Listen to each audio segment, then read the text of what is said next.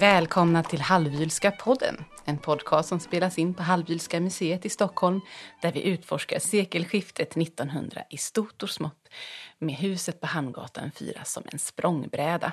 Och podden leds av mig, jag heter Emelie Höglund och arbetar här på museet som enhetschef för pedagogik och besöksservice.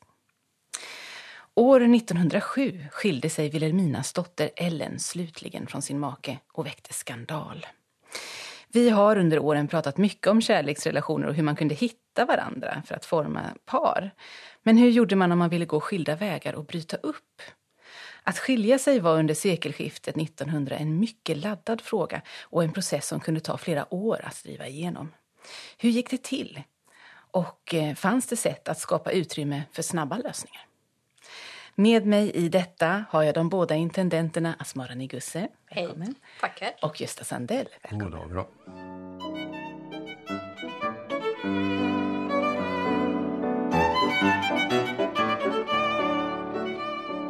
Om vi börjar med eh, den givna frågan. Varför var det egentligen så laddat att gå skilda vägar som gift par? Ja, om man ska ta det så här moraliskt symboliskt så pratar de ju om det väldigt mycket som, om man tänker äktenskapet som liv så blir ju skilsmässan som död. Och tittar man på lagarna och så sen och hur man behandlar någon som skiljer sig eller försöker skilja sig så blir det som att de måste bli symboliskt döda för att det ska ens gå igenom. Det ska liksom inte finnas den här söndringen i samhället egentligen. Symboliskt döda, nu får du nog förklara lite närmare. Ja, nej men det är till exempel Ja, vi kommer väl komma in i när man tittar på lagarna och så, så är det ju väldigt mycket byggt från kyrkan från början. Och det finns ju liksom som bibliskt att det är enda anledningen till att skiljas. Det är ju egentligen döden. Men annars så är det ju att vara otrogen och gammal biblisk tid så är det dödsstraff. Då är du borta. Eller att du överger din partner Eh, försvinner iväg och borta i flera år då, då får man helt enkelt se det som död så att den andra parten kan gå vidare. Och när man sen kommer in i Vilhelminas tid här så visst, man tar ju steg från kyrkan sakta och mer demokratisering och så, mer civilt hantering av de här frågorna. Men hur man behandlar eh, de, den som vill skilja sig så ser man spåren av det här gamla bibliskt att det är på ett sätt, du måste vara död, du får liksom inte finnas. Och lite kan man se det, eh, de som forskar släktarkiv och så, så kan man stöta på ibland att det står att någon släkting är änka, men egentligen är de frånskild. Mm. Så parten är ju inte död egentligen, men att få in det i systemet, få in det i samhället så finns det liksom ingen plats för en frånskild. Ge ett nytt ljus till uttrycket du är död i mina ögon. Ja, precis. Vad riskerade man om man gick igenom en skilsmässa då? Ja, det är ju den sociala eh, positionen man har och naturligtvis ekonomin. Eh, och så är det än idag. Det är inte så att det har förändrats i någon större utsträckning på det sättet. Sen är ju det att det är olika typer av, um, av effekt. Uh, men även i, om vi säger en, en, eh, en relation överhuvudtaget, om den upphör så är det ju ofta som så att en, ena parten vandrar iväg med mer pengar än den andra och även med en större vänkrets än, än vad den andra gör. Det är sällan som det är en jämvikt och det har ju aldrig varit så, eh, någon typ av jämvikt. Sen har det ju generellt sett varit en till kvinnans nackdel i många äktenskap. Ehm, men inte alltid, bör jag väl understryka. För det kan ju också vara det att det är mannen som har råkat illa ut. Eh, om mannen har varit otrogen till exempel eller förlupit hemmet så, ehm, så är det ju mannens fel. Och då kan kvinnan bli, ehm, få en större del av kakan. Och inte minst när det gäller eh, barnunderhåll och sådana saker. Då. Eh, så att, det är inte nödvändigtvis så att kvinnan har varit i, i underordnad ställning så, men det har, har funnits en tendens kan man säga. Det beror på vem som bryter löftet formellt. Verkligen. Ja, verkligen. Och ehm. det, så, det kan ju gå så långt som fängelsestraff där i 1800-talet uppåt. Nästan in i Ellens tid. Så att det är verkligen den som gör fel ska straffas. Det handlar ju om, i första hand om det det gäller hor, som det heter. Det vill säga att mm. den ena gifta parten eh, går i säng med någon annan. Eh, och där är det ju som du säger, Asmar, att det, den felande parten har faktiskt ett fängelsestraff upp till sex månader fängelse. Eh, faktiskt. Eh, om den felande parten är gift men den andra parten inte är gift. Om bägge parterna är gifta i, i det här förhållandet så är det faktiskt ett högre fängelsestraff för bägge. Dryga böter och om man då varit otrogen och den man varit otrogen med den man egentligen älskar. Ja, du kom, även om du är skild så kommer du inte ha möjlighet att gifta dig med den andra parten sen om inte din tidigare partner ger dig tillåtelse eller gifter om sig eller dör. Så att, förstår du hur, om du gjort fel, den du gjort fel mot har makt över dig även efter att ni skiljs åt. Oh, det låter laddat. Är det som en extra paragraf till hindersprövningen som ännu finns idag då, eller? Hur funkar Nej, det? är inte, hindersprövningen är en annan del. Det är mest för att eh, säkerställa att man inte är släkt eller står i beroendeställning eller liknande. För det, det är en del av, eh, bör väl också sägas att eh, såväl i, i protestantiska som katolska länder så har det ju alltid funnits en möjlighet att upphäva äktenskapet på olika grunder. Eh, och det står i svensk lagstiftning även eh, ända från, från 1700-talet framåt att eh, till exempel om den ena parten har en könssjukdom så är det möjlighet att upphäva äktenskapet om personen är fallen åt dryckenskap och så vidare. Och även om det sen framkommer, alltså efter en lång tid, att det har, varit så, ja då, då kan man upphäva och så vidare. Eller om personen är sinnessjuk och ja, det finns flera olika delar. Och det gäller eh, kanske inte fullt så mycket i katolska länder. Där handlar det mer om huruvida äktenskapet är fullgånget eller inte. Det vill säga, eh, har man hoppat i säng, de äkta makarna, då anses äktenskapet vara fullbordat. Och då är det jättesvårt att bli, bli av med äktenskapet inom katolska länder. Då ska man stå vid andra sidan. Ja, exakt. Men det är också det här med att det, har ju alltid funnits eh, skiljaktigheter inom, inom eh, ett äktenskap på olika sätt och vis. Och de, den vanligare de, lösningen har ju varit just att leva separat istället. Och det är ju, om vi talar om, om Ellen eh, dömare så är det ju det som hon får rådet att göra. Inte minst av, av sina föräldrar. Det är hellre bo separat och, och ha ditt eget liv vid sidan av men absolut inte skilja sig. Det här är ju ändå någonting som skiljer från våra dagar. Som pekar på oh ja. en, en, större stigmatisering kring att eh, faktiskt bryta upp. Eller vad säger du? att det måste vara ett förenat med en, alltså det måste vara en mycket större sak. Ja. Om, om man skulle anse det vara en god sak att leva på, på det sättet. Ett dubbelliv. Och det är ju ändå, alltså det är verkligen in i modern tid. Det är väl någon lagändring där i 70-talet egentligen som man kan se att man vänder på hur man ser på synen på skilsmässa. Att det blir snarare hellre en lycklig skilsmässa än liksom en olycklig tvungen så här, fortsatt äktenskap. Det är ju tvärt emot Vilhelminas tid. För där är det ju att man ska göra allt för att det inte ska bli en offentlig brytning på det sättet som en skilsmässa är. För igen, i Vilhelminas tid så är äktenskap likväl skilsmässa inte en privat sak. Det är igen som vi pratar om i avsnittet om äktenskap, att det är kärnfamiljen som är liksom grundstenen till hur samhället är uppbyggt. Och hur samhället ska fungera så är det ju egentligen då att ja, staten och kungen står över dig. Men sen i hemmet så blir det en förlängning av den mentaliteten där mannen då ska stå över fru och barn och ska vara makthavaren. Och bryter man upp den modellen så är det ju som ett sätt att man bryter upp modellen över hur hela samhället är uppbyggt. Och det blir ett hot. Så då är det ju ett, både kyrka och stat gör ju allt för att ni inte ska skiljas. Gör det så svårt som möjligt, gör det så obekvämt och förnedrande som möjligt för er och om man står på sig och ändå till slut får igenom en skilsmässa så ska det kosta otroligt mycket så att man på så sätt gör det till en offentlig varning för alla andra att de inte ska vilja gå den vägen. Det, det, finns ju den, eh, som, som du säger, det, det handlar om löftesbrott egentligen. Eh, som eh, på sin tid var, var väldigt allvarligt. Eh, tänk om du då var en man till exempel i, i borgerskapet med, med handelskontakter och så vidare. Och det bevisade, för det, det är det det handlar om, att du verkligen för allmänheten bevisar att du är en löftesbrytare. Hur ska du kunna få arbetskontakter på några, eller affärskontakter? Det,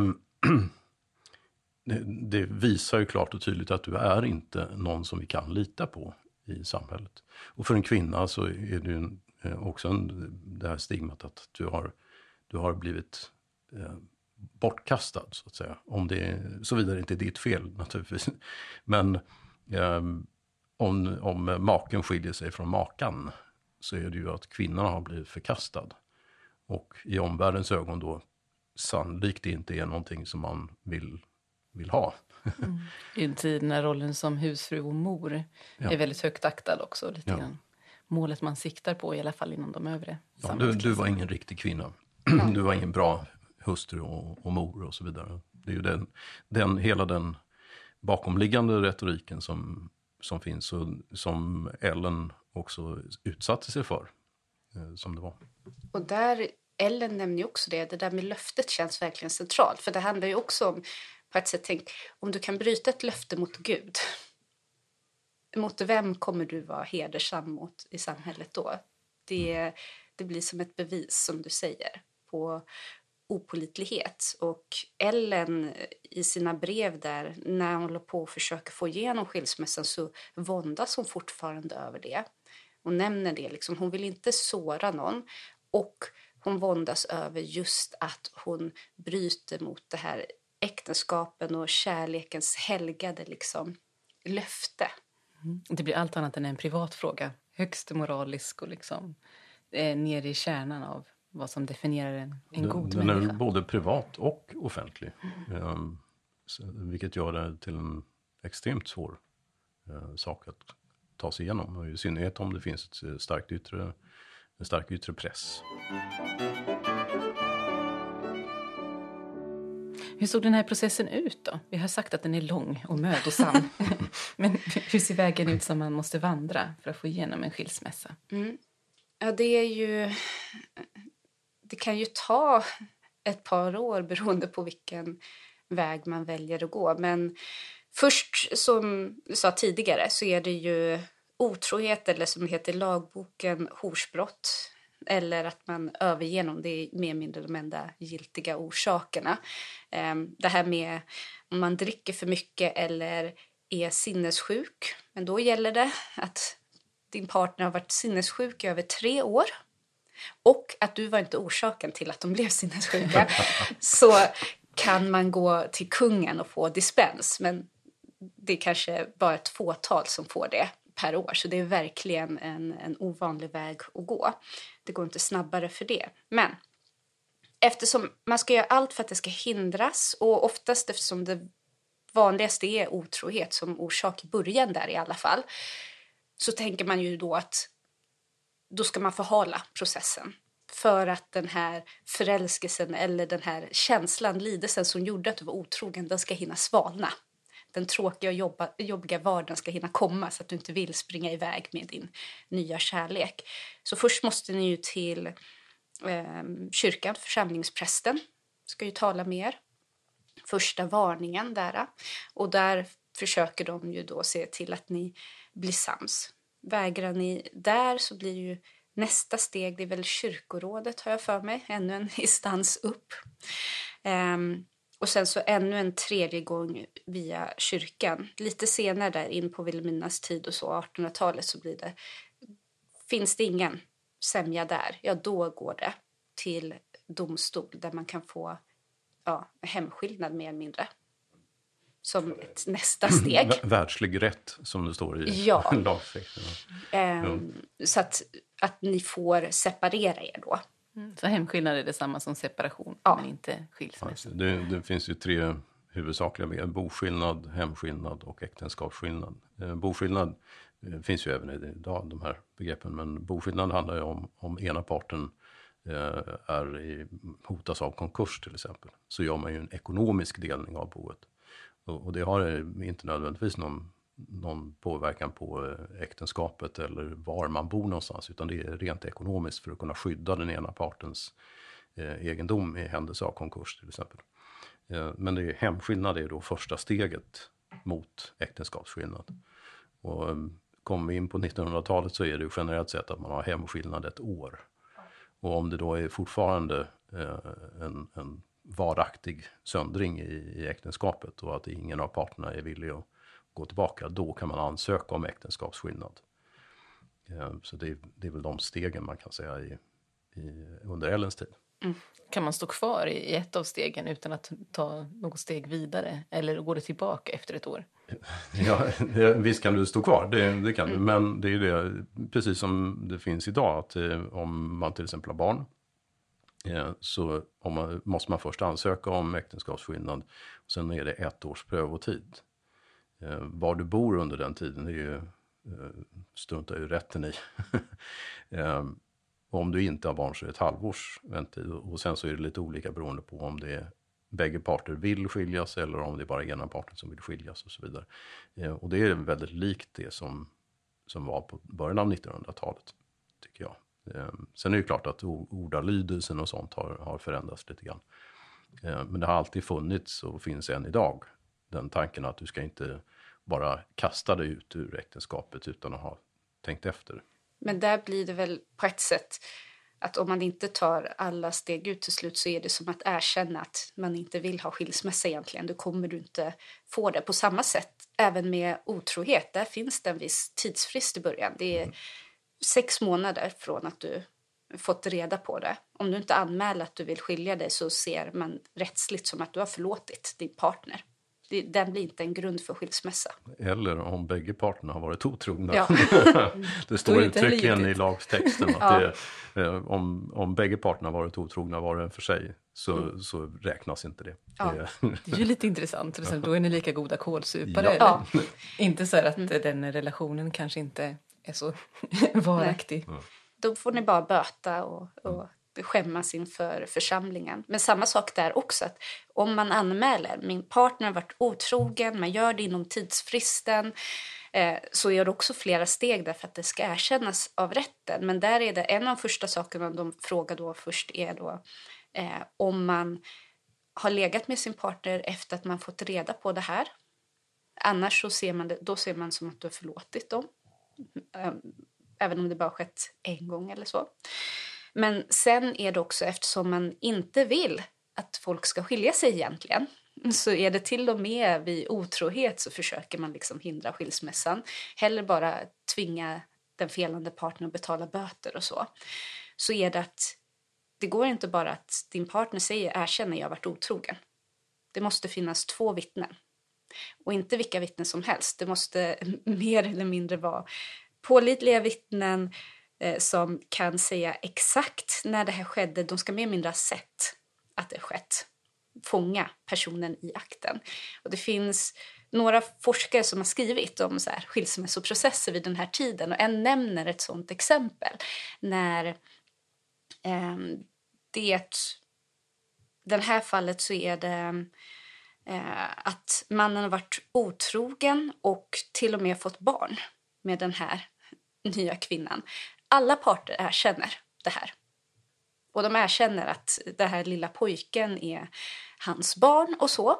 Men när de går igenom rättegången och de förhörs så råkar de här två som då har utfört otroheten säga två olika klockslag över när den här otroheten skedde. Så deras uppgifter stämmer inte. Så rätten anser att de kan inte bevisa att det här faktiskt har skett i sån grad att ja, det måste, de måste ge en skilsmässa. Så att då blir det att de får ta det en gång till. Och vid den här tiden då ser man att då har de liksom preppat för det. De säger exakt samma sak. Det finns inga skillnader i, i deras berättelser. Eller, och de har, frun som då blev utsatt för brottet har då också hunnit skaffa två vittnen över att det här har skett. Mer eller mindre så är det att de simulerar otroheten igen bara för att det ska gå genom rätten.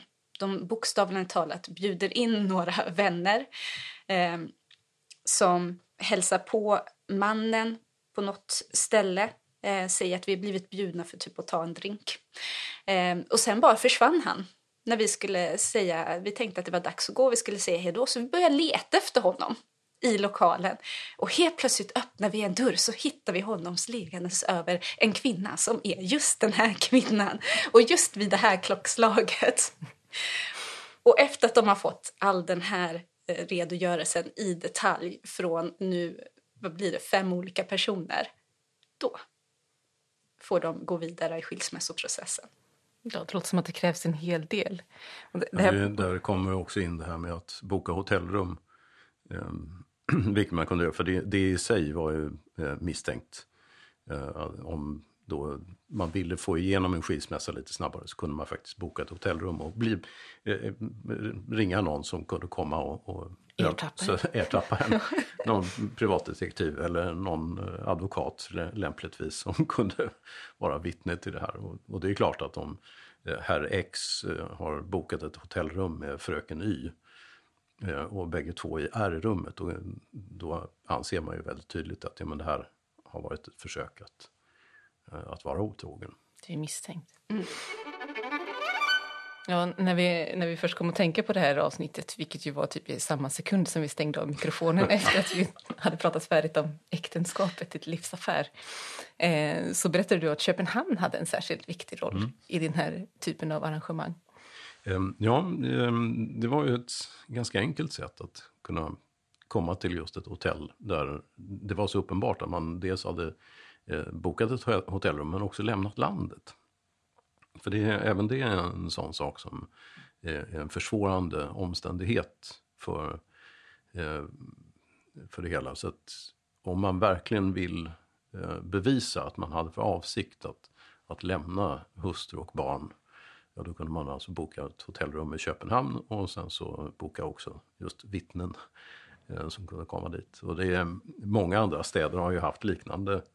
Ehm, jag tror att i, i modern tid så är den här i USA, Reno, ehm, är ett sånt ställe där man får, får skilsmässa väldigt lätt. Eh, Las Vegas är ju tvärtom, där man får äktenskap eller kan gifta sig väldigt lätt. Ehm, så jag tror att genom alla århundraden så har man hittat vägar att, att lösa sådana här frågor.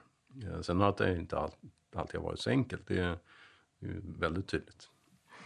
Men ibland så var det samma arrangemang, alltså att eh, hustrun kunde stå och vinka av när de ja. lämnade landet?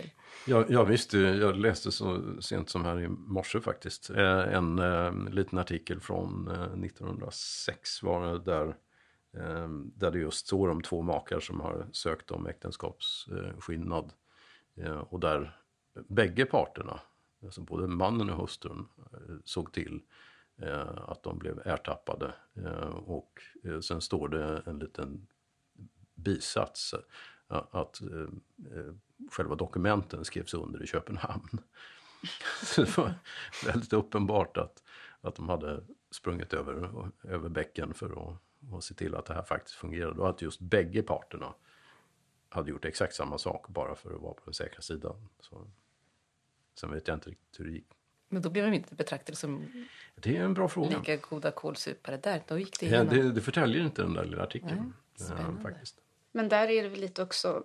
Köpenhamns resa betecknar också den andra orsaken till eh, att kunna få en, en skilsmässa. Just att man överger sin make och sitt hem. Man lämnar landet. Och på ett sätt så är det kanske bättre än att arrangera en otrohet om, om vi tänker utifrån att båda parterna egentligen vill ha en skilsmässa. För tänk på det. Mm. Det behöver inte bara vara att det är en som vill ha en skilsmässa. Om ni båda vill ha det, om ni inte har ett giltigt skäl, alltså otrohet eller övergivenhet, så finns det ingen eh, laglig rätt. Ni kommer inte få ut en skilsmässa, så det är därför man även får arrangera skilsmässor utifrån de här två grunderna. Eh, och med otrohet, alltså horsbrott så blir det ju den här offentliga förnedringen mm. av den här kyrkorätten och att inför församlingen erkänna de här brotten och den som begår otroheten, även om det är bara arrangerat och på låtsas, förlorar ju giftorätten. Så förlorar eh, möjlighet att få en mer eller mindre en bodelning. Alla pengar, allting går till parten som... Den, fe- den som har Ja. råkat ut för. Precis. Och det blir ju väldigt svårt för en i efterhand, speciellt om man egentligen inte har något emot varandra förutom att man inte vill vara gift. Så att andra lite mer oskyldiga, eller vad man ska säga, eh, inte så drabbande alternativet är ju att överge sin partner. Och då är det för dem som har råd, för det här är verkligen en klassfråga, eh, kan göra en Köpenhamnsresa. Och då är det att man åker över, ja, som du säger, ta in på hotell, men sen egentligen bara dagen efter gå till svenska konsulatet och där informera om jag har lämnat landet, jag har övergivit hem och partner för att skiljas. Jag tänker inte återvända till min partner. Och sen låter ni advokaterna ta över pappersprocessen. Och det här Ingen- är det här att förlöpa sitt hem. Ja, så det, då slipper man den här offentliga skammen av att det går genom kyrka och, och domstol och så. Det är liksom, låt advokaterna sköta det hela. Och i det så kan man också ha enskilda överenskommelser. Så att enligt lagen, ja, så om du förlöper eh, hemmet, om du överger din partner, du förlorar bodelningen också. Men då kan ni faktiskt komma överens innan och skriva kontrakt som kan komma in i rätten så det finns tydligt bevis på det, pappersspår, att din partner säger att ja, de kommer bistå dig eh, resten av livet. Du kommer få en del pengar ändå.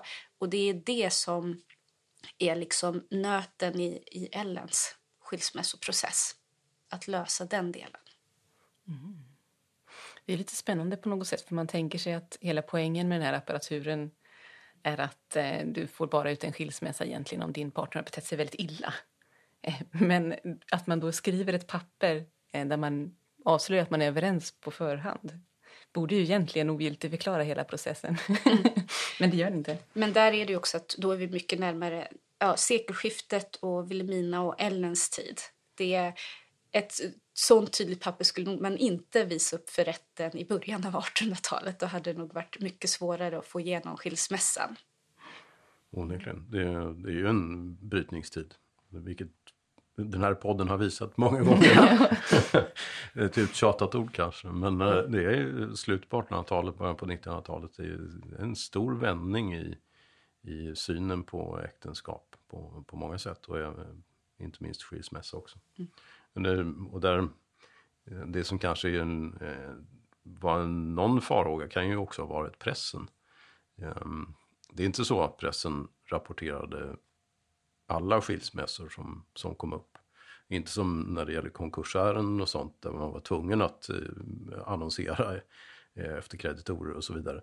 Ehm, men när det gäller skilsmässa så kan det ju ha varit en viss risk när det gäller så här, vad ska vi säga, inom societeten.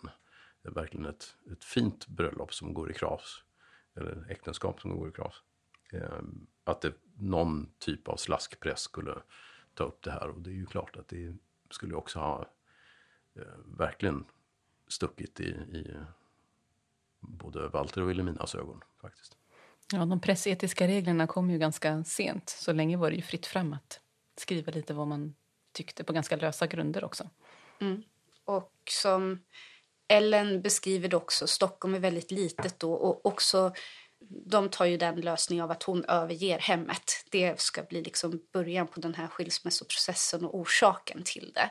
Så hon spenderar ju väldigt mycket tid och sen mer eller mindre i landsflykt som hon beskriver det från Sverige i, i Berlin och i Paris. Men även där, den umgängeskretsen hon tillhör så är det att hon får höra hur Eh, ja, någon kvinna i sällskapet som hon umgås med kom upp till henne och, och anklagade henne för att vara en dålig mor. Hur kan hon liksom överge sin son, spendera så mycket tid ifrån honom? Och andra runt omkring henne tror sig att hon har övergivit hemmet för att hennes man Henrik eh, ja, till exempel misshandlar henne, alltså att hon lider i äktenskapet. Men här är det ju inte att hon lider på grund av sin make, att han har gjort ett fel och hon flyr för att skydda sig.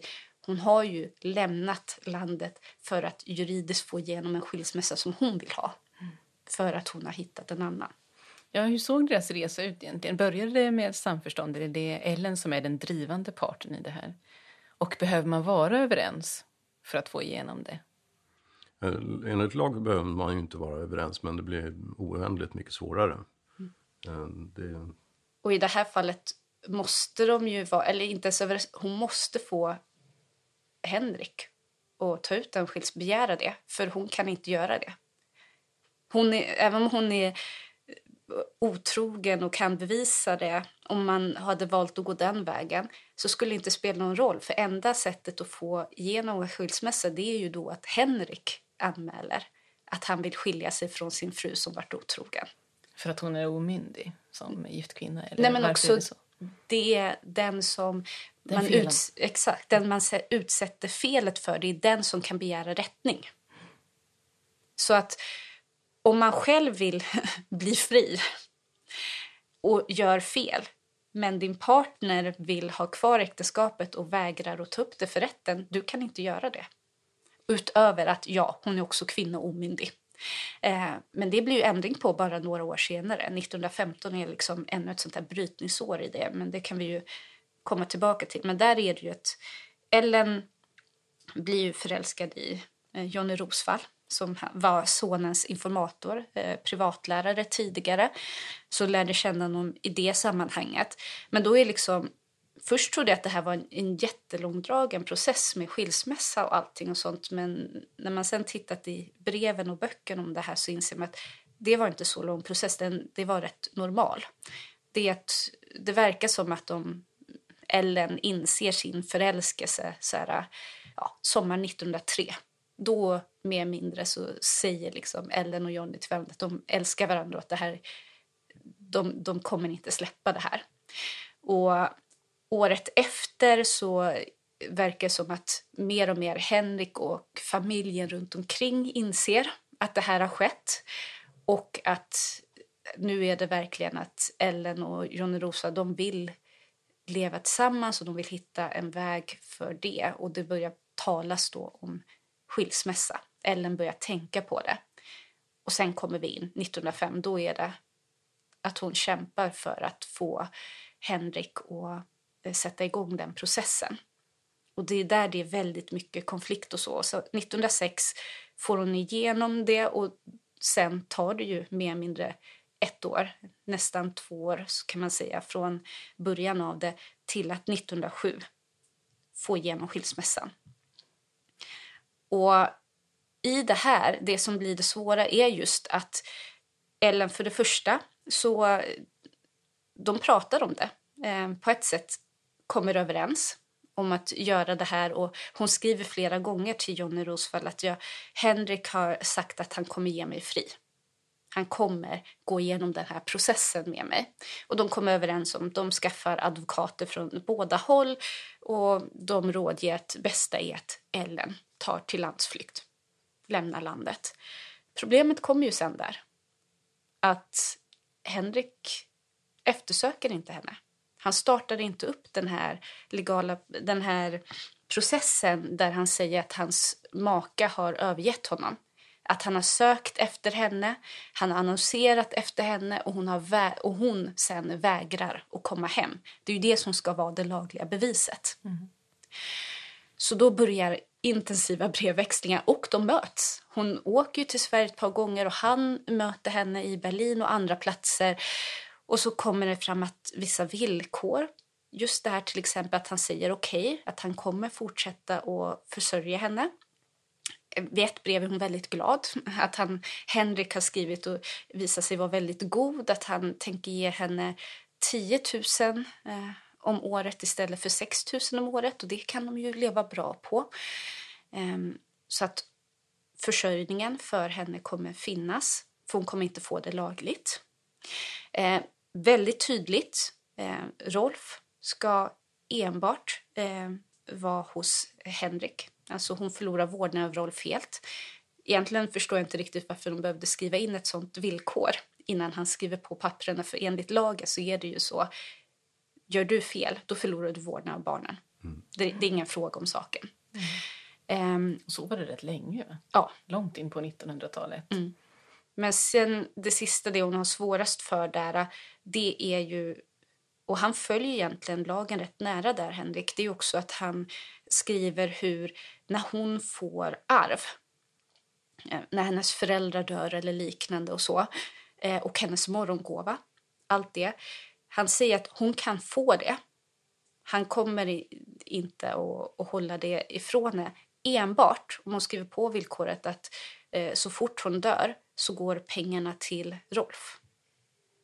Till deras gemensamma barn och det kan inte ges till Jonny eller till Jonny och Ellens eventuella framtida barn. Och hon beklagar sig otroligt mycket över det här. Det blir som att hennes arv blir bara ett lån till henne. Men det stämmer med lagen. Där står det också att din för detta maka, om du har fått ut en skilsmässa och du gjorde fel, eh, om de inte gifter om sig, då har de lika laglig rätt till arvet från dig som din nya partner. Och samma sak deras barn och liknande. Så att enligt lagen så följer man det här gamla kyrkliga. Du har gjort ett fel som du mer eller mindre bestraffas för för evigt.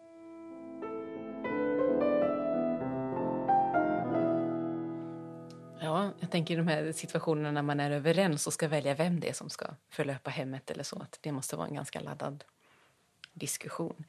Sen är det klart att det, hon hade ju ett stort motstånd från egna familjen också. Walter Wilhelmina von Hallwyl var eh, mycket negativt inställda till, till det här, som vi redan har, har nämnt. Mm. Det är klart att då ha såväl den egna födslofamiljen och, och syskon eh, emot sig som en, en eh, make som man eh, hoppas ska, ska följa med och, och, vara till lags men som inte riktigt är det. Och det är klart han kanske tänkte att han skulle få eh, negativa konsekvenser av det här eh, i och med att han, eh, han, han var ju kammarherre och mycket annat. Så att eh, en eventuell skilsmässa skulle ha påverkat honom i det sociala livet. Eh, det skulle det ha gjort. Så det är kanske också en sån sak att han inte riktigt ville. Eh, men om han skulle göra det, ja då skulle det verkligen skulle han se till att han, han kom ut med, med, med vinsten, så att säga. Finns det bevarat eh, de här breven som du nämnde? Finns de i vårt arkiv? Eller faller de utanför museets eh, samling? Mest så finns de på eh, ATA, på Riksantikvarieämbetets eh, bibliotek och arkiv. Eh, Antikvariska topografiska arkivet, jag säger det rätt nu. En, en del finns i Hallwyska arkivet. Men då är till exempel Ellens brev till, till eh, pappan och, och, eh, finns ju här. Mm. Och där vad jag kommer ihåg så är flera av dem som är adresserade till kontoret om jag inte missminner mig. Um, I och med att det, var ju Walter von Hallwyl som kanske var lite mer vad ska jag säga, öppen för att lyssna. Eh, medan eh, Ellens mamma var väldigt hårdnackad emot allt tal om det här. Mm. Som skriver till sin pappa lite i hemlighet låter det som. Ja exakt. För det är klart att ett brev adresserat till kontoret kommer ju aldrig till, till eh, själva bostaden. Mm. Och där är det ju, alltså Vilhelmina, hennes årsanteckningar så känns det som att hon inte alltid skriver om de mest personliga sakerna och så men det är ju 1905 där så skriver hon liksom bara i slutet så eh, Ellen som höll på att skilja sig från Henrik var i Berlin. Så då har hon påbörjat den här processen med landsflykten. 1905 var också året Henrik började i, i arbeta inom hovet så det, det var ju verkligen uppskärande och väldigt uppskrämmande att hon valde och gå den vägen då och göra det här offentligt i det här känsliga läget. Men sen 1906 så skriver hon igen också att i mars, första mars flyttar Rolf till sin far som då fått sin våning i ordning. Eh, Ellen i Berlin med sin jungfru Elin. Så i början, eh, när den här skilsmässoprocessen börjar så eh, får Rolf flytta in hos Walt och Wilhelmina. Sen ordnar Henrik sin våning så att han tydligt kan ta ansvar för vårdnaden och så. Men Rolf hoppar ju mellan eh, att vara här i, på Hamngatan 4 och hos sin far. Men sen fortsätter Wilhelmina att, eh, ja, eh, Ellen i Berlin eh, eh, skildes från sin man. Skilsmässan var då i full gång och jag kan icke säga vad det förorsakat oss så mycket sorg. Ty Henrik de Marie har alltid varit en god och älskvärd svärson som vi naturligtvis fortsätter umgås med. Och sen där sista meningen för det året så är det jul firade alla hos oss utom Ellen som var i Berlin. Och det fortsätter flera tillfällen här att eh, flera år efter så fortsätter hon säga ja, jul firar alla hos oss utom Ellen.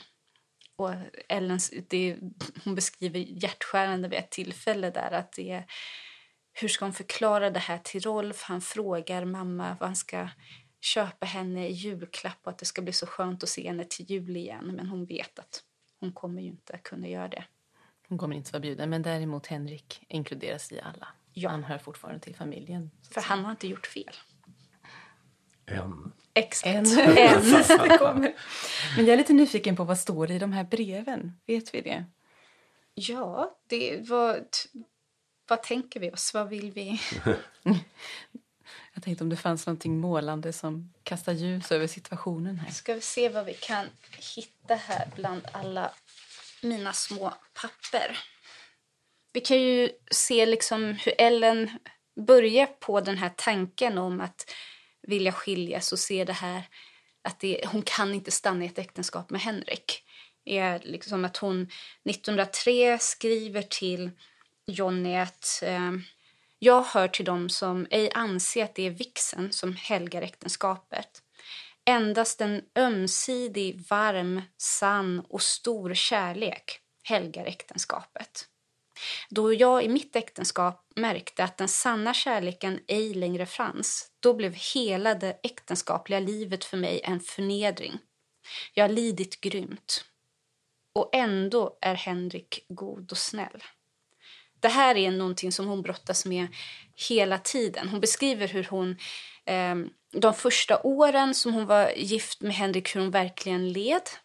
Hur han, hon försökte älska honom, knyta sig nära till honom och han var kall och likgiltig mot henne och tyckte att hon var ja, som en känslovarelse och att hon liksom mer eller mindre bara stressar upp sig själv och så. Ingen förstående för henne. Likgiltig. Och det skadar henne väldigt mycket. Men sen träffar hon ju Jonny Rosvall och känner en äkta kärlek där. Och då beskriver hon hur hon faktiskt blir lycklig över Henriks likgiltighet. För att på ett sätt då blir det lätt för henne att separera bort honom. Liksom det, hon gör inget fel. Han likväl som hon vill egentligen inte vara gift och att de kan mer eller mindre leva separata liv. Hon läser hans beteende så. Men sen när hon då visar på att hon älskar en annan och börjar prata med Henrik om att vilja skilja sig så, blir, så visar han upp alla sina goda sidor. Hon beskriver det att hon en av hennes största problem med alla de här breven är egentligen inte den juridiska processen. Det är att hon hela tiden undrar om hon verkligen gör rätt för hon skapar så stor sorg hos Henrik och hon vill inte såra honom. Han är god och snäll, det skriver hon hela tiden. Och att hon är hjärtskärad över att hon ser honom gråta när hon vill, beskriver att hon vill skilja sig. Och vid ett tillfälle så hotar han att skjuta sig själv med sin revolver om hon tar igenom det här. Hon skriver till en gemensam bekant och frågar om, om de verkligen tror att han skulle göra det. Eh, och vid ett tillfälle så, säger, så beskriver Henrik också att han bara säger att eh, han försöker få henne att inte ta ut en skilsmässa. Han säger att han kan erkänna hennes och Jonnys relation. De kan få leva liksom tillsammans i eh, en av alla deras fastigheter, hem. Bara han inte skiljer sig. Att hon inte begär en skilsmässa från Henrik. Så han försöker liksom hitta sätt att hålla fast, inte bryta loss. Och det här pågår hela tiden. Att det blir en väldigt fördröjd process är ju också att han mer eller mindre fortsätter som vanligt. Att när de umgås, Jonny Rosvall frågar ibland vad är det ni pratar om? Vad, vad är det ni gör när ni umgås tillsammans offentligt eller privat i hemmet? De säger ja, men utåt sett så håller vi masken och Henrik är väldigt god och snäll. Men så fort hon lyfter det här med skilsmässa så blir han kall och hård igen. Så det är den här slitningen fram och tillbaka. Och vi kan ju komma tillbaka till, men där är det ju också att de skjuter sig själva i foten sen, just att de inte visat upp bristerna för någon annan. Så det hade varit bättre att inte hålla masken då på så vis. Om man, fast det förutsätter att man har bestämt sig. Ja. ja. För det är det som händer sen. Det är när man väl bestämt sig och då, när vi kom in i 1905-1906, att Henrik slutar att förhala processen. Han, han påbörjar den. Eh, att säga att det liksom, hans maka har övergivit honom och den här processen med rättegång och så sätter igång. Ja, men då börjar det ju istället att de måste skapa en strategi för att rätten ska erkänna deras skäl till skilsmässa. För då säger eh, deras advokater på vardera sida att eh, okej, okay, då måste ni uppfylla de här villkoren. Så att Ellen förlöper hemmet, okej okay, hon är i Berlin, åtminstone ett år och eventuellt upp till två år för att det ska erkännas. Under den här tiden måste ni också få fram två vittnen och nu inte som med horsbrott, otrohet, att det är bara några som råkar på er. Det måste vara två vittnen som är vänner till er, som känner er båda sedan flera år tillbaka. Som nu under ed säger att eh, de har sett att ni har haft meningsskillnader, att det är osämja i äktenskapet och att de vet, de har bevittnat att orsaken till att Ellen har lämnat hemmet det är för att få skilsmässa, att hon inte tänker komma tillbaka. Och här får de problem. Så här är det i flera brev där hon försöker hitta någon som har sett det här och någon som vill ställa upp. Ellen beskriver hur ja, det är ju bara tjänstefolket som sett mig gråta och så men Henrik har alltid bara förklarat det med min sjuklighet och att jag har varit svag eller att det varit något annat. Och hon pratar om, ja men en vän, hon säger att hon kan ställa upp men jag tror inte hon kan funka som ett vittne för hon är själasjuk, hon är liksom deprimerad. Hon skulle nog inte klara av den här processen och rätten kanske inte skulle se henne som ett pålitligt vittne mer eller mindre. Och en annan vän som känner till det här eh, vägrar att vara vittne. Vägrar gå i ed, vägrar att hjälpa i den här processen.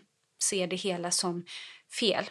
Henrik släpper saken direkt. Han säger jag har ingen jag har ingen som kan vittna kring det här. Och Ellen säger det själv också, att hon ångrar det rätt så djupt. att Hon säger det, ja, jag har varit sjuk. Själasjuk över eh, situationen och äktenskapet med Henrik, men jag har aldrig varit grälsjuk. Så vi har varit i konflikt, men det har aldrig varit öppet.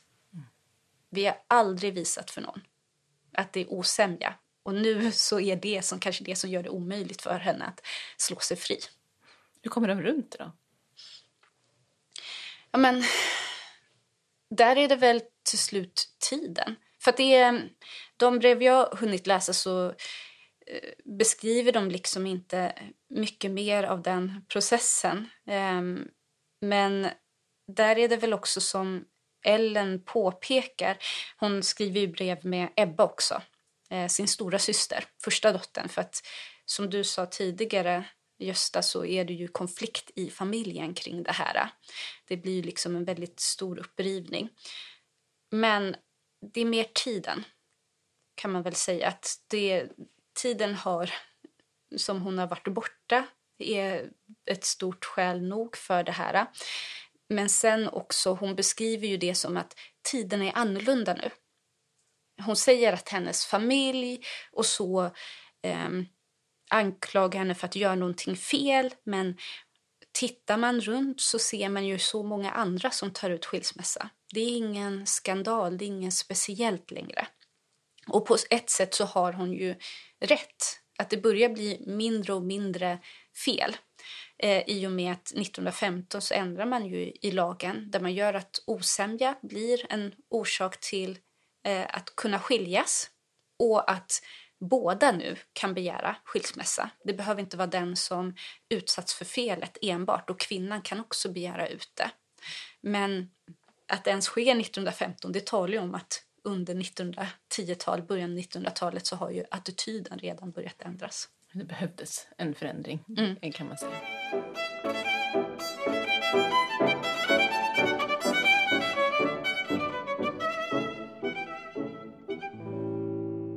Men eh, då läggs det alltså till de här andra anledningarna. Det kommer en ny orsak som bara är osämja helt enkelt. Mm, ja, alltså Eller det? själva grunddelen där, eh, att söka om hemskillnad på grund av djup och varaktig söndring, som det heter i, i lagtexten, har ju funnits väldigt länge. Eh, sen är det då en fråga om hur, vilken vikt man lägger vid det. Alltså, det är en sak med själva lagtexten, eh, men sen också i praxis, hur man har, har använt lagtexten. Eh, och det får vi komma ihåg. Så att rent formellt sett så skulle, vi, skulle man kunna ha, som du säger, vi har ju inte tänkt på det tidigare, men hade de bara bråkat, Ja. hade de bara bråkat offentligt så hade det ju faktiskt varit mycket, mycket enklare. För då hade man kunnat hänvisa till, eh, till den lagparagrafen att det är djup och varaktig söndring och sen så gått igenom det här ganska långsamma processen med, med medling eh, från, med en präst eh, i flera omgångar och så vidare. Och sen gått till hemskillnad, varit, haft hemskillnad ett år och sen ansökt om äktenskapsskillnad. Så det, det hade ju fungerat, men som sagt var, eh, det gäller att bråka först. Ja. bråka tydligt. Och då går man ju tillbaka igen till det här att det är inte en enskild privat sak. Det är en offentlig sak också. Och syns inte söndringen offentligt, då, då finns den egentligen inte enligt lagen. Hur såg den här konflikten inom familjen ut då? Som jag har varit inne på lite grann. Det fanns lite olika läger i vad man tyckte i frågan.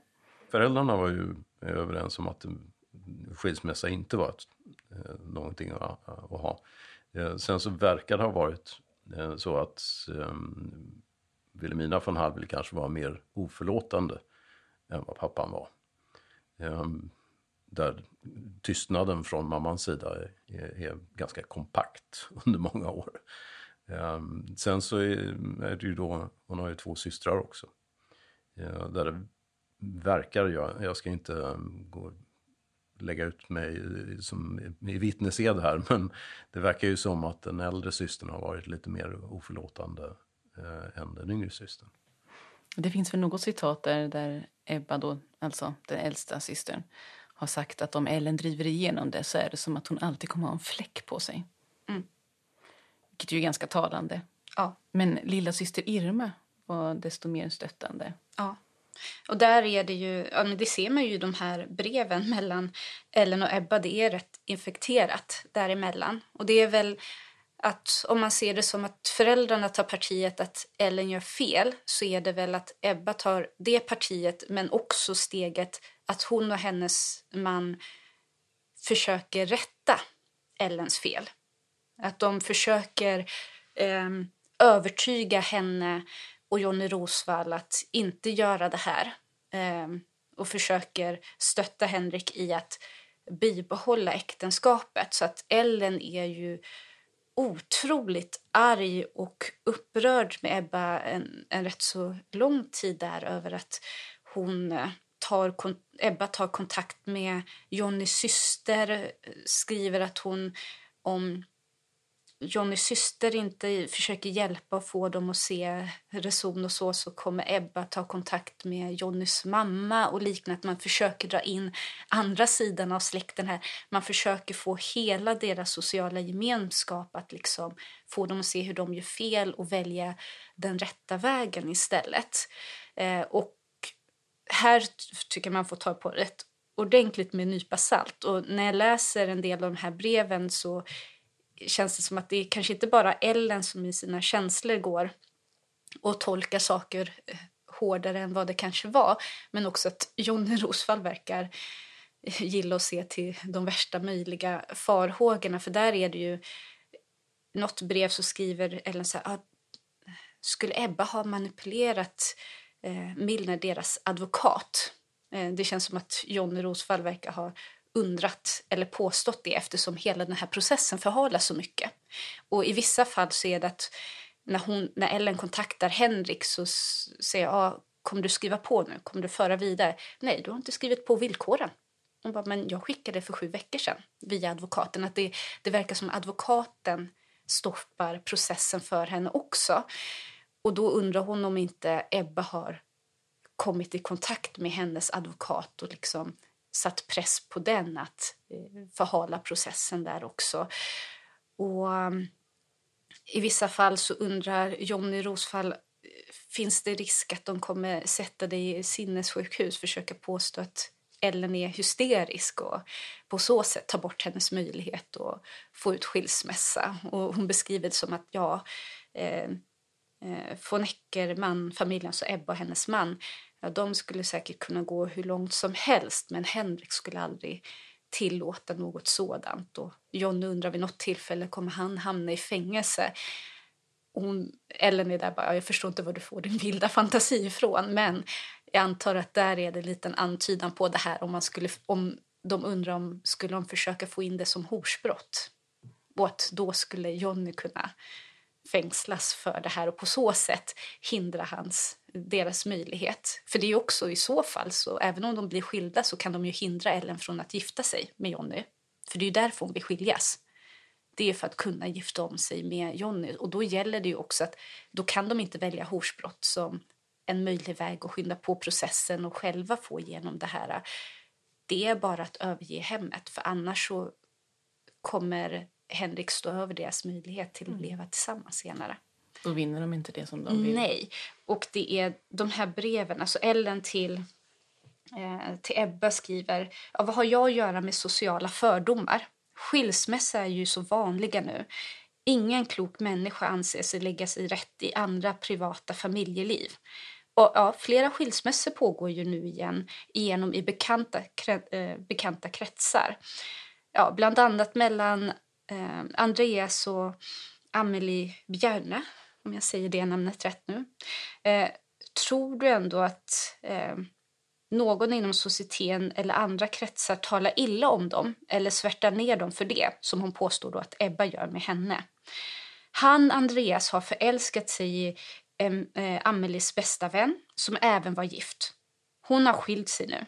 Andreas och Amelie eh, har då sedan skilt sig och Andreas gift sig nu med den här vännen. Sorgligt kan man tycka. Och det här blir udda. Nu beklagar hon sig över att de här två har gjort så, som hon vill göra. Mm. För det här är lite udda också. Ellen säger själv i de här breven sen att hon personen är egentligen emot skilsmässa. Mm. och det är så udda att hon då ändå har tagit ut den. Um, men det hon vill framhäva här är ju då att Eh, de är båda goda, fina personer och man kan inte döma eller klandra dem. Så vad har dina sociala fördomar att angå societeten? Det är bara din egen fantasi. Och ehm, från alla mina nya vänner, både i Stockholm och Uppsala ehm, och även mina gamla vänner ur societeten. Och här radar hon upp en massa människor. Eh, Dagmar och Lars Barre, eh, Ugglas, Klens, Hallenborg, Cederströms, de umgås med oss. Och de visar min man en särskild beundran och högaktighet. Så, så, så länge som jag lever ska jag minnas mina gamla vänners trofasthet och vänskap. Alltså det är flera brev där de bara parerar mot varandra. I slutändan så börjar de liksom stolpa upp.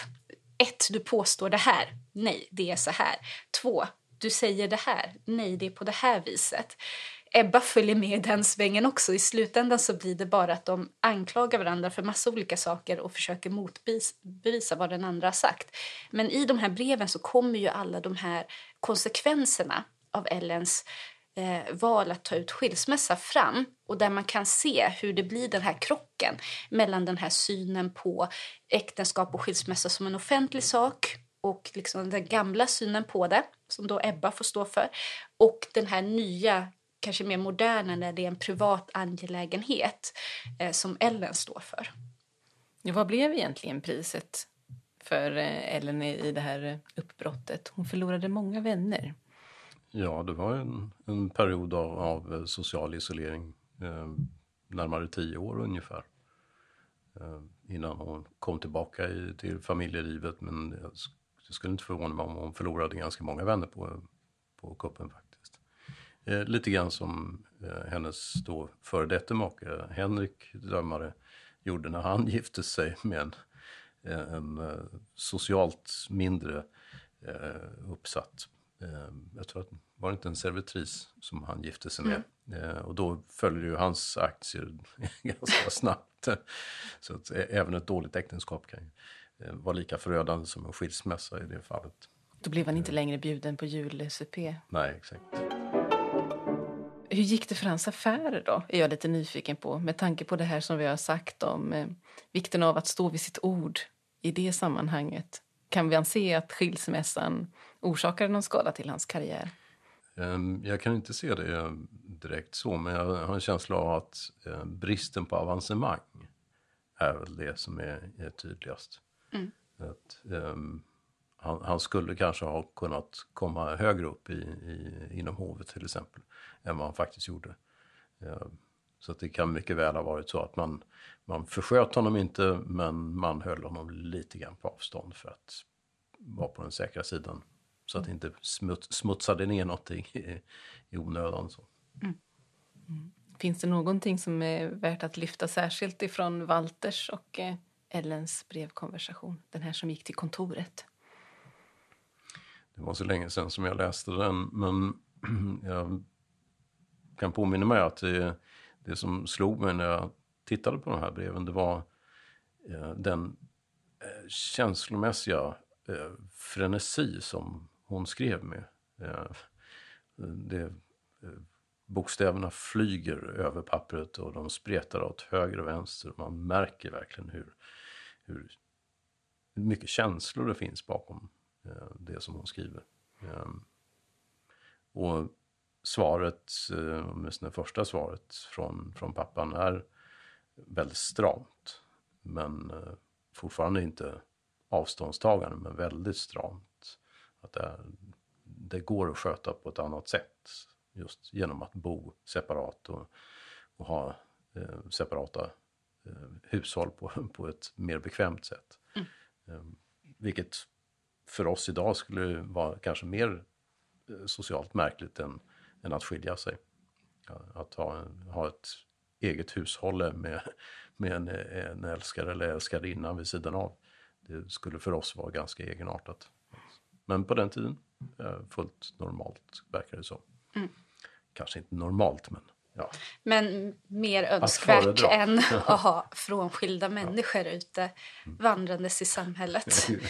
Tydligen. Men det där blir ju också en sak att det är, på ett sätt, det handlar ju heller också om att det inte det här är ju inte en sak i det förflutna. Alltså, vi pratar om de här lagarna också som ja, men det var för hundra år sedan och så, men det, vi tillhör ju EU nu och där är det väldigt tydligt att du får tänka på var du väljer att, att gifta dig och var du lever sen som gift för att det är det landets lagar som gäller vid skilsmässa sen.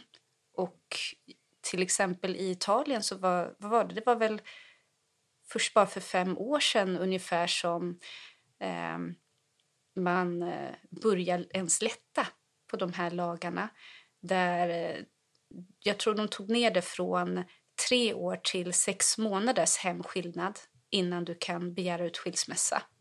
Så tänkte liksom nu i modern tid så skulle det krävas för det första eh, eh, tre år Eh, innan ni ens kan gå vidare i processen och bli skilda. Så ni måste vara från separerade. Om ni har barn så kan det vara upp till sex år eller ännu längre.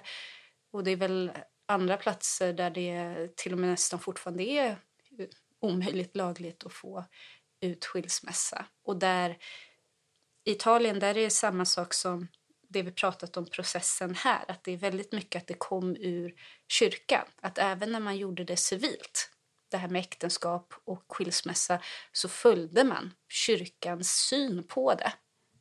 Vilket gör det precis lika svårt och gör det precis lika eh, mycket fokus på vem bär skulden och hur de ska bestraffas snarare än att se det som att försonas eller underlätta i någons liv i de här handlingarna. Lagar har ett långt liv och det är en stor process att göra om dem så att de släpar nog en hel del. Speglar kanske inte alltid det dagsaktuella värderingsläget i samhället kan jag tänka mig på många fronter. Tröghet är inte att underskatta.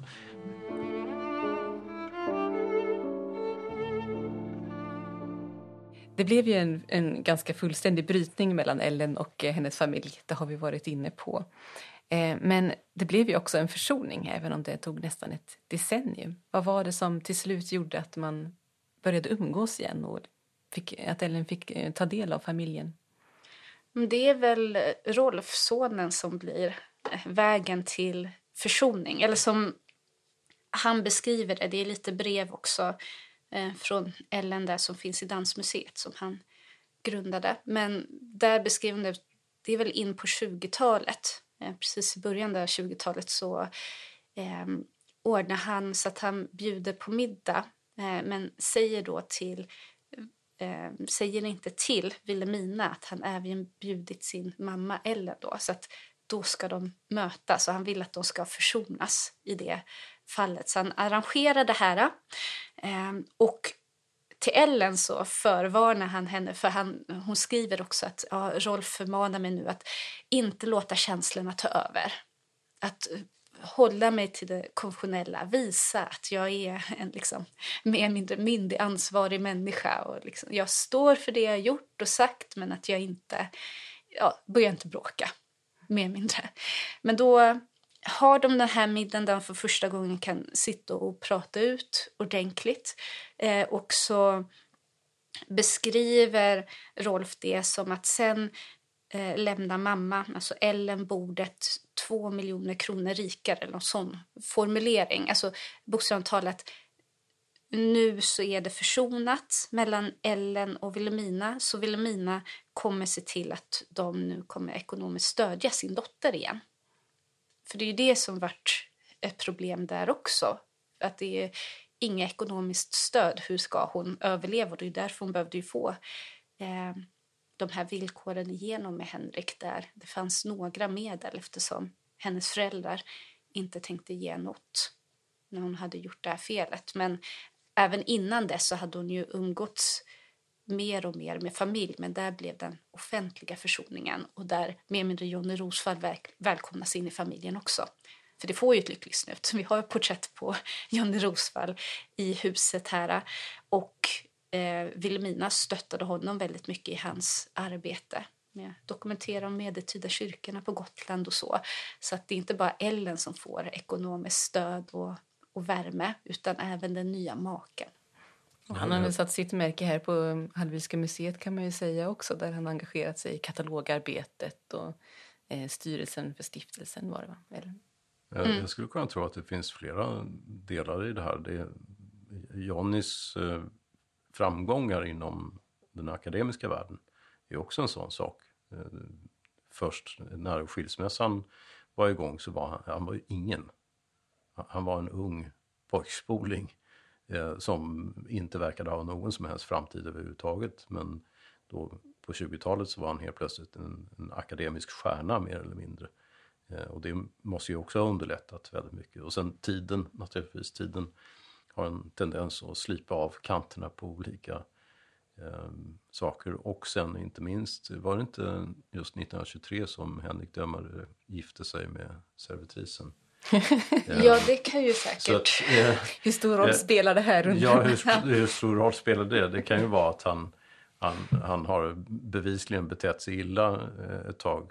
Eh, I samma veva så kommer Rolf och Ellen in och Jonny seglar upp i, i sammanhanget. Så jag tror att det, det, är många olika faktorer som samspelar just kring, eh, början, kring 1920 19, och början på 1920-talet. Mm. Tror ni att det spelar någon roll eh, hur Ellen var i det nya äktenskapet? Om ja. man såg att hon var lyckligare? Säkerligen. Det, vi kan till och med citera Wilhelmina i det här i årsanteckningarna. För hon skriver ju faktiskt det. 1907 när hon har skriv, då skriver hon där att eh, i juni gifte sig Ellen eh, med eh, Jonny Rosvall. Då. Hon skriver då gifte om sig med Rolfs för detta informator, doktor Fil, inom parentes, han har tagit doktorsexamen i Berlin, Jonny Rosvall. Detta var en stor sorg eh, för oss. Men nu efter många år har jag lärt mig inse att Ellen aldrig blivit den konstnär hon nu är om hon förblivit i den umgängeskrets hon var i som fru de Marais. För övrigt tycks hon vara lycklig och nöjd som hon nu har det och då får även vi finna oss i saken. Och jag ska påpeka här att det här är ju för 1907 när allt eh, var fortfarande ett uppbrott. Men Vilhelmina skriver årsanteckningarna långt senare. Så där kan man se hur hon fyller i med kommentarer och hur hon tittar på det liksom med, tiden, med tidens hjälp. Så hon mer eller mindre ger ju Ellen rätt i det här och, och hon hyllar ju även Ellen för vem hon blir som konstnärinna efteråt. Och I huset finns ju också gott om verk av just Ellens hand. Mm. Och föräldrarna är väl med också och sponsrar bygget av Muramaris på Gotland för Ja. Johnny och Ellens räkning. Så slutet gott, allting gott till slut. Ja, mer eller mindre. Och det får nog bli slutordet eh, för eh, det här avsnittet. Tack så mycket för att ni kom hit och ordade om detta. Tack, tack. Tack. Och tack alla ni som har lyssnat till oss.